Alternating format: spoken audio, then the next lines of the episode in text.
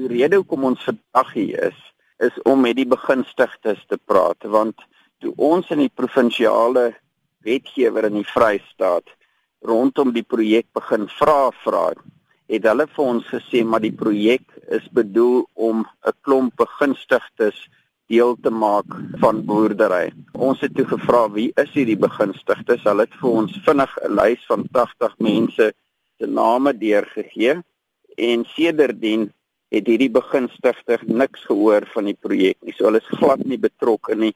Hulle was basies net name op 'n lys. Um, ons het daai inligting saam met 'n klomp ander beweringe van ongeruimthede vir die openbare beskermer deurgegee so 4 jaar terug. Dit was 'n baie lang ondersoek en ons verwag moontlik hierdie maand om 'n verslag te kry rondom die beweringe van ongeruimthede. Hoeveel kos hierdie projek dan die belastingbetaler? Die aanvanklike kosteberaming van die projek was 560 miljoen. Die provinsiale regering sou 'n deel van dit bygedra het en Estina as die vernoot sou ook 'n deel bygedra het. Estina was ook die implementeringsagent van hierdie projek, maar hulle het ook die geld van die provinsiale regering ontvang om dit ook dan te bestee in hierdie projek. Op hierdie stadium het die provinsiale regering ongeveer 200 miljoen rand bestee aan hierdie melkplaas. Wat het julle spesifiek gevra vir die openbare beskermer om te ondersoek rakende Estina? Daar's wat ons beskou as 'n klomp ongeruimthede rondom die betrokkeheid van Estina by hierdie projek. In die eerste plek was daar nie 'n tender uit nie. Estina het voorgegee dat hulle 'n vennoot is saam met 'n groot suiwelmaatskappy in Indië, Paras is. Paras het intussen gesê hulle weet niks van hierdie projek af nie.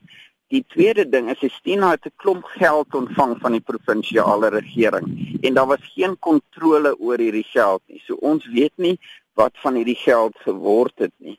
Van die inligting wat ons gekry het deur vrae aan die wetgewer, is dit duidelik dat baie van die kostes van die projek. Byvoorbeeld 'n hek en ek staan hier so voor die hek, dis 'n gewone hek sonder 'n motor met 'n meter aan elke kant en dit het 2.6 miljoen rand gekos. En daar's 'n klomp ander goed wat hier gekoop is en infrastruktuur wat gebou is, insluitend die melkmasjiene, die koop van die beeste wat die pryse baie hoër is as wat dit behoort te wees.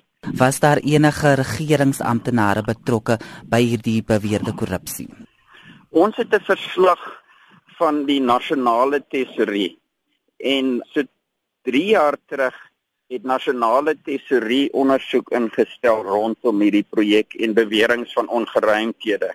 Nou, een van die aanbevelings van hierdie tesorie verslag is dat daar opgetree moet word dissiplinêr teen die hoof van die departement en die voormalige hooffinansiële beampte van die departement.